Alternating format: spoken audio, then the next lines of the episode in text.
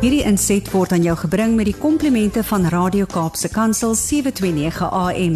Besoek ons gerus by www.cape pulpit.co.za.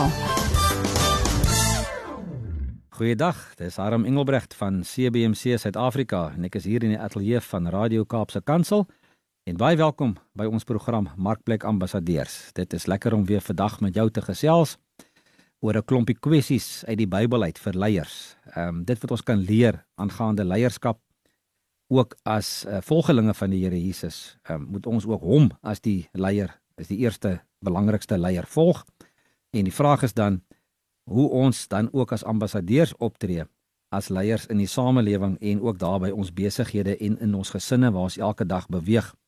En ek is besig met 'n reeks rondom dit en ek gebruik ehm um, ook die uh, leierskap Bybel van John Maxwell se uh, aantekeninge as as riglyn en ek uh, haal ook vir julle 'n uh, paar van die goed daaruit aan. En ek wil vandag met julle gesels verder uit Numeri uit. En vandag wil ek spesifiek stil staan. Ek wil by Numeri 13 begin en ek gaan 'n paar teksverse vir julle lees. En ek gaan met julle 'n bietjie praat oor oor oor jou positiewe ingesteldheid en invloed van leierskap en en 'n paar ander dinge. Maar ek dink dit gaan 'n lekker interessante gesels wees en julle kan gerus ook reageer hierop deur vir my 'n e-pos te stuur uh, na admin@cbmc.co.za en bietjie ook julle insette te gee rondom hierdie program en spesifiek ook vandag se uitsending. Ons ken die storie van die volk wat deur die woestyn getrek het en wat Moses moes uitgelei het uit Egipte. En hulle kom toe nou uiteindelik daar waar hulle die beloofde land moet gaan verken of ook Kanaan, ehm um, soos ons lees in in die Bybel. Nou, ek vind nou hier moet nou baie baie mooi luister wanneer ek hierdie teksverse vir jou lees want hier is 'n paar kritieke woorde in. En wanneer ons kyk hoe mense opgetree het, kom ons agter dat daar swak leiers en goeie leiers was vanuit hulle reaksie op dit wat die Here vir hulle gesê het. En die vraag wat ons eintlik ook vandag vir onsself moet vra is 'n bietjie selfondersoek om te sê, maar hoe sou ek opgetree het as ek een van hierdie 10 manne was wat gestuur was as verspieders of verkenners? En sou ek dan as 'n goeie of 'n swak leier wees in God se oë in hierdie situasie? Nou by Numeri hoofstuk 13 in die nuwe uh, ekskuus tog in die 1983 vertaling staan daar die Here het vir Moses gesê: Stuur manne om Kanaan wat ek aan die Israeliete sal gee te verken. Nou net daar alleen sê God reeds vir Moses: Ek gaan vir julle die land gee. Julle gaan daar intrek. Maar stuur manne om dit te gaan verken. Nou ons kan nou vra, hoekom het God dit gedoen? Hy gaan dit in elk geval vir hulle gee. Maar ek dink hy het ook getrouheid, ehm uh, gehoorsaamheid uh, getoets en ook hulle dalk hulle hulle gesindheid getoets. En toe sê hy vir Moses, uit elke voorvaderlike stam moet jy een stuur wat 'n leier onder hulle is. En op die nou staan daar in vers 3 op die bevel van die Here het Moses hulle toe uitgestuur. Op bevel van die Here. Nou weer eens en ons praat oor leierskap. Watter fantastiese eienskap oor leierskap lees ons nie hier van Moses nie. Moses het gedoen wat die Here vir hom gesê het. Gehoorsaamheid, getrouheid, integriteit, skoon goeie karakter. Moses doen presies wat die Here vir hom sê. Hy het nie gegaan na die ouens toe en gesê luister manne, die Here wil nee ons moet gaan kyk. Hy het klaar gesê ons gaan die land kry. Maar weet jy wat? Enigiemand van julle 10 kan net sowel nog maar gaan of 12 manne want want ons gaan in elk geval die land kry. Dis nie wat Moses gedoen het nie. Hy het gaan sê presies wat die Here hom gesê het. En hy gaan roep tot die manne en hy het nou daar lees ons al die name van die stam Ruben en Simeon en Juda en Isaskar en Efraim, Benjamin, Sebulon, Josef, Dan, Aser, Naftali, Gad uit al 12 stamme uit. Gaan kies Moses toe nou manne. En dan sê vers 16 Dit is die manne vir wie Moses gestuur het om die land te verken. En dan een stukkie wat ons dalk baie keer mislees in die Bybel. In vers 8 van hoofstuk 13 staan Hosea met die spelling H O S E A, die seun van Nun uit die stam Efraim, was een van die manne wat gestuur was. En ons lees nêrens weer in in Numeri van Hosea nie. Ons lees van Joshua. Nou hierso staan dit in vers 16. Moses het aan Hosea seun van Nun die naam Joshua gegee. En Moses het hulle toe gestuur om Kanaan te verken en hy sê toe vir hulle: Trek deur die suidland op na die bergwêreld toe. Bekyk die land, hoe dit is, of die mense wat daar woon sterk of swak is, min of baie is, of die land waarin hulle woon goed of sleg is, en of die mense se stede oop of versterk is. Nou versterk is eenvoudig as mure omgebou. En of die grond vrugbaar of skraal is. Of dit bome het of nie. En dan doen julle bes om vir ons van die land se vrugte saam te bring. Dit was juist die tyd van die jaar wat die eerste druiwe ryp was. En hulle toe gegaan die land gaan verken, presies soos Moses gesê het. En ons lees daar wat hulle al steeg gekom het, dat 'n paar manne daar gekry wat bietjie groter was as hulle en ehm um, hulle daar by 'n spruit gekom en hulle het 'n druiwetros afgesny dat twee van hulle moes aan 'n stok dra met hierdie met die met die druiwetros. Hulle het granate en vye gebring en ehm um, hulle kom toe nou terug ehm um, na 40 dae uh terug na Moses en die volk toe. En dan lees ons in vers 26, hierdie ouens kom gee nou verslag. Nou onthou dat 12 manne uitgegaan. Die verkenners het toe by Moses en Aaron en die hele vergadering van die Israeliete uh by Kades in die Paran woestyn aangekom. Daar het hulle aan Moses hulle en aan die hele vergadering verslag gedoen en vir hulle die vrugte van die land gewys. Hulle het aan Moses gerapporteer en gesê: Nou luister nou baie mooi wat het hulle gedoen. Ons het in die land gekom waarheen U ons gestuur het. Dit loop oor van melk en honing. En hier is sy vrugte. Maar die mense wat in die land woon is sterk en die stede is versterk en baie groot. Ons het ook die nasate van Enak daar gesien. Die Amalekiete woon in die suidland, die Hetiete, Jebusiete, Amorite in die bergwêreld en die Kanaaniete by die see langs die Jordaan. Maar luister nou mooi vers 30. Hier praat Caleb nou. Nou Caleb was gestuur uit die stam van Juda. En Caleb het die manne wat met Moses praat stil gemaak. Wat dit staan daar. Caleb het die manne wat met Moses gepraat het stil gemaak en gesê: Ons moet beslis optrek en die land in besit neem, want ons kan dit doen. Maar die manne wat saam met hom gegaan het, het gesê: Nee. Ons kan nie teen daardie manne optrek nie, want hulle is sterker as ons. Die manne het toe 'n slegte gerug onder die Israeliete versprei oor die land wat hulle verken het. Hulle het gesê, die land wat ons gaan verken het, is 'n land wat die lewe vir sy inwoners onmoontlik maak. En die mense wat ons daar gesien het, is almal baie groot. Ons het ook reuse gesien. Die Enakite stam van hulle af. Ons was so sprinkane in ons eie oë en so was ons ook in hulle oë. Nou kom ons by hoofstuk 14 van Numeri. Daardie nag het die hele volksvergadering aanhoudend gekla. Al die Israeliete was in verset teen Moses en Aaron. En die hele vergadering het gesê: "As ons maar in Egipte of in die woestyn gesterf het, waarom het die Here ons na hierdie land toe gebring? Net om doodgemaak te word? Ons vrouens en kinders sal krygsgevangenes word. Is dit nie vir ons beter om na Egipte toe terug te gaan nie?" Hulle sê toe vir mekaar: "Kom ons kies 'n leier en ons gaan terug Egipte toe." Nou dit na alles wat die Here vir hulle gedoen het en hulle gebring het tot daar waar hulle nou is. Maar Moses en Aaron het toe voor die vergadering van die Israeliete gaan staan op hulle knieë geval. Ook het Joshua, die seun van Nun, en Caleb, uh die seun van Jefun wat ook ja, ehm uh, die manne wat ook het Joshua seun van Nun, ekskuus en Caleb, manne wat saam die land verken het, hulle klere geskeur. So Moses en Aaron en Caleb en en en Joshua staan toe nou basies alleen, hulle vier manne. Teen daai 10 wat nou gaan verken het en wat nee sê. En toe sê hulle die land wat ons gaan verken het, is 'n buitengewoon goeie land. As die Here ons goedgesind is, sal hy ons na hierdie land toe bring en dit aan ons gee. 'n Land wat oorloop van melk en honing. Julle moet net nie teen die Here in opstand kom nie. Moet ook nie vir die mense van die land bang wees nie, want ons sal hulle maklik verslaan. Die gode, hulle gode sal hulle nie beskerm nie. Hoor nou mooi, die Here is by ons. Moenie vir hulle bang wees nie. Maar kyk nou hoe reageer die volk. Maar die hele vergadering het gedreig om vir Joshua en Caleb met klippe dood te gooi. Toe het die magtige teenwoordigheid van die Here by die tent van ontmoeting vir al die Israeliete sigbaar geword. Die Here het vir Moses gesê: "Hoe lank sal hierdie volk my almag bly onderskat? Hoe lank sal hulle weier om op, om op my te vertrou ten spyte van al die wonders wat ek onder hulle gedoen het?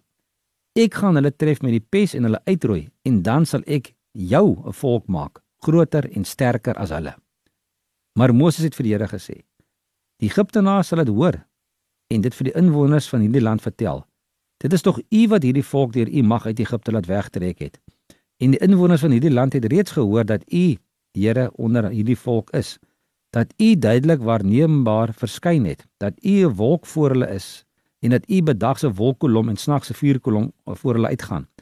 As u hierdie volk soos een man om die lewe bring, sal die nasies wat van u dade gehoor het sê, die Here was nie in staat om hierdie volk in te bring in die land wat hy met 'n eed aan hulle beloof het nie en daarom het hy hulle in die woestyn omgebring.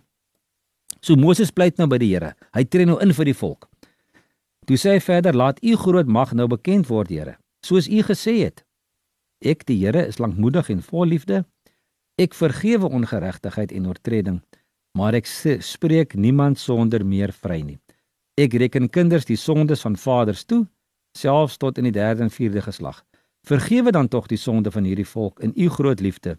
soos u hulle van Egipte af tot hier toe vergewe het. Wat 'n voorbeeld kry ons hier by Moses oor leierskap, né? Hy gaan tree namens die volk by God in. Hy sê vir die Here: "Nee, asseblief, moet nou nie doen wat u wil doen nie. Uh, hierdie ouens, weet, wees hulle genadig. Here, u is 'n genadige God. U is vol liefde. U het gesê gaan hulle inlei in die volk." Nou kom die Here se antwoord. Ek vergewe hulle soos jy gevra het. Nogtans So seker as ek leef en die aarde vol sal word van my magtige teenwoordigheid.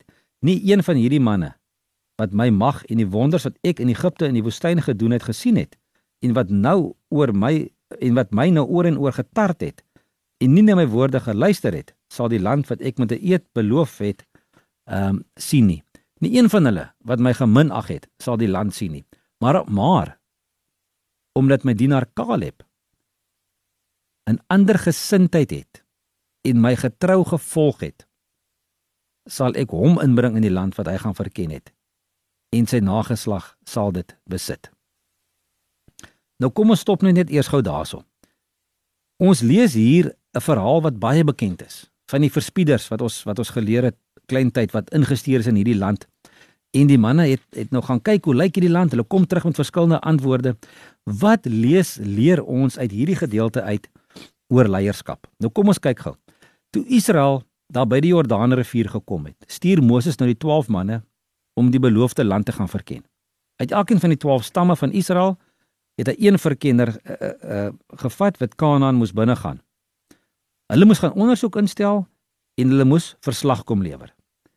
Nou kom ons kyk gou. Toe die 12 manne aan die ander kant kom, uiterlik aan die buitekant, het hulle al 12 presies dieselfde gesien en ervaar. Maar die innerlike gevolgtrekking wat hulle gemaak het, het drasties verskil. Die 10 manne wat gedink het dis dis nie 'n goeie plan nie en dan natuurlik die twee manne Joshua en Caleb ehm um, wat in die minderheid was uh wat 'n ander mening gehad het. Nou wat is die rede dat daar 'n verskil in mening was tussen daai 10 manne en die ander twee? So kom ons kyk gou eens, wat is die ooreenkomste? Al 12 hierdie verkenners was leiers in hulle stamme. Met ander woorde, die stam van ehm um, van uh, Juda en die stam van uh Efraim was die twee stamme wat deur Joshua en Caleb uh, verteenwoordig was. Net daai twee leiers het 'n positiewe gesindheid gehad en teruggekom en gesê ons kan dit doen. Al 10 die ander manne wat leiers van ander stamme was, het met 'n negatiewe boodskap teruggekom. Al 12 hierdie hierdie manne wat gegaan het, het dieselfde belofte ontvang die belofte van vers 2 wat sê ehm um, ek sal die land vir julle gee. In al 12 het dieselfde geleentheid gekry. Daar's hulle gesê hulle hulle moet gaan. Vers 2 sê stuur manne om Kanaan wat ek aan hulle sal gee te verken. Uit elke voorvader stam met die een leier stuur. Almal kry dieselfde kans. Niemand is voorgetrek nie. En al 12 die manne gaan oor. Nou wat is die verskil? Kom ons kyk na die 10 manne wat teruggekom het wat gesê het nee. Hulle hulle teruggekom en gesê nooit, ons kan nie dit gaan doen nie. Ehm um, hulle het moontlik nie eens hulle opdrag behoorlik verstaan nie. Ehm um, hulle moes net gaan kyk het, hoe lyk dit daai kant. Ehm um, en hulle het na God gekyk in die lig van hulle omstandighede. Hoe baie keer gebeur dit nie dat ons in omstandighede vaskyk en vir God miskyk nie. Ons het so amper 2 jaar, ja, meer as 2 jaar terug 2020 Maart maand 'n pandemie binne gegaan. En almal het wêreldwyd geskarrel en om so 'n Engelse woord gebruik gerattle oor wat nou hier aangaan. Hoe gaan ons dit hanteer en o, kyk hoe groot is hierdie ding en kyk hoe baie mense raak siek en ek het baie begrip daarvoor. Ek self het het familie uh, verloor deur die deur die pandemie, maar ons het so vasgekyk in hierdie groot ding. Maar hoeveel van ons het, het het besef en gesien dat God groter as dit is? Baie baie groter. En hierdie negatiewe dinge wat wat hierdie 10 manne ervaar het of gedink het hulle sien in in in die beloofde land het hulle eenvoudig net gekyk uit hulle eie oogpunt en hulle het nie God geken nie. Hulle het nie na hom gekyk in die lig van die, van van omstandighede nie. Maar daai twee manne die die die twee leiers van daai van twee twee stamme ehm um, Efraim en Juda ehm um, Joshua en Caleb hulle het gesê ons kan gaan Hulle het die opdrag verstaan wat die Here vir hulle gegee het. En hulle het na hulle omstandighede gekyk in die lig van God. By die terugkeer het 10 van die verkeer van die verkenners ehm um, 'n houding teenoor die hele onderneming ingeneem. Eintlik maar 'n negatiewe houding. En dis nie moeilik om te sien waarom God uh, waarom nie. Ekskuus. Ehm um, God word nêrens in hulle verslag genoem nie. Hulle verwys nie eers een keer na hom nie hulle houding, hulle pessimistiese uitkyk, hulle negatiewe verslag het omtrent soos 'n infeksie deur die hele Israelitiese laar versprei. Hulle het gesê die wel die land loop wel oor van melk en honing. Maar ons het ook reëse gesien. Ons kan nie teen daardie mense optrek nie. So die negatiewe dinge wat hulle gesien het, was vir hulle baie baie erger as die positiewe. Maar Joshua en Caleb het dieselfde reis onderneem en dieselfde dinge as die ander 10 verkenners gesien.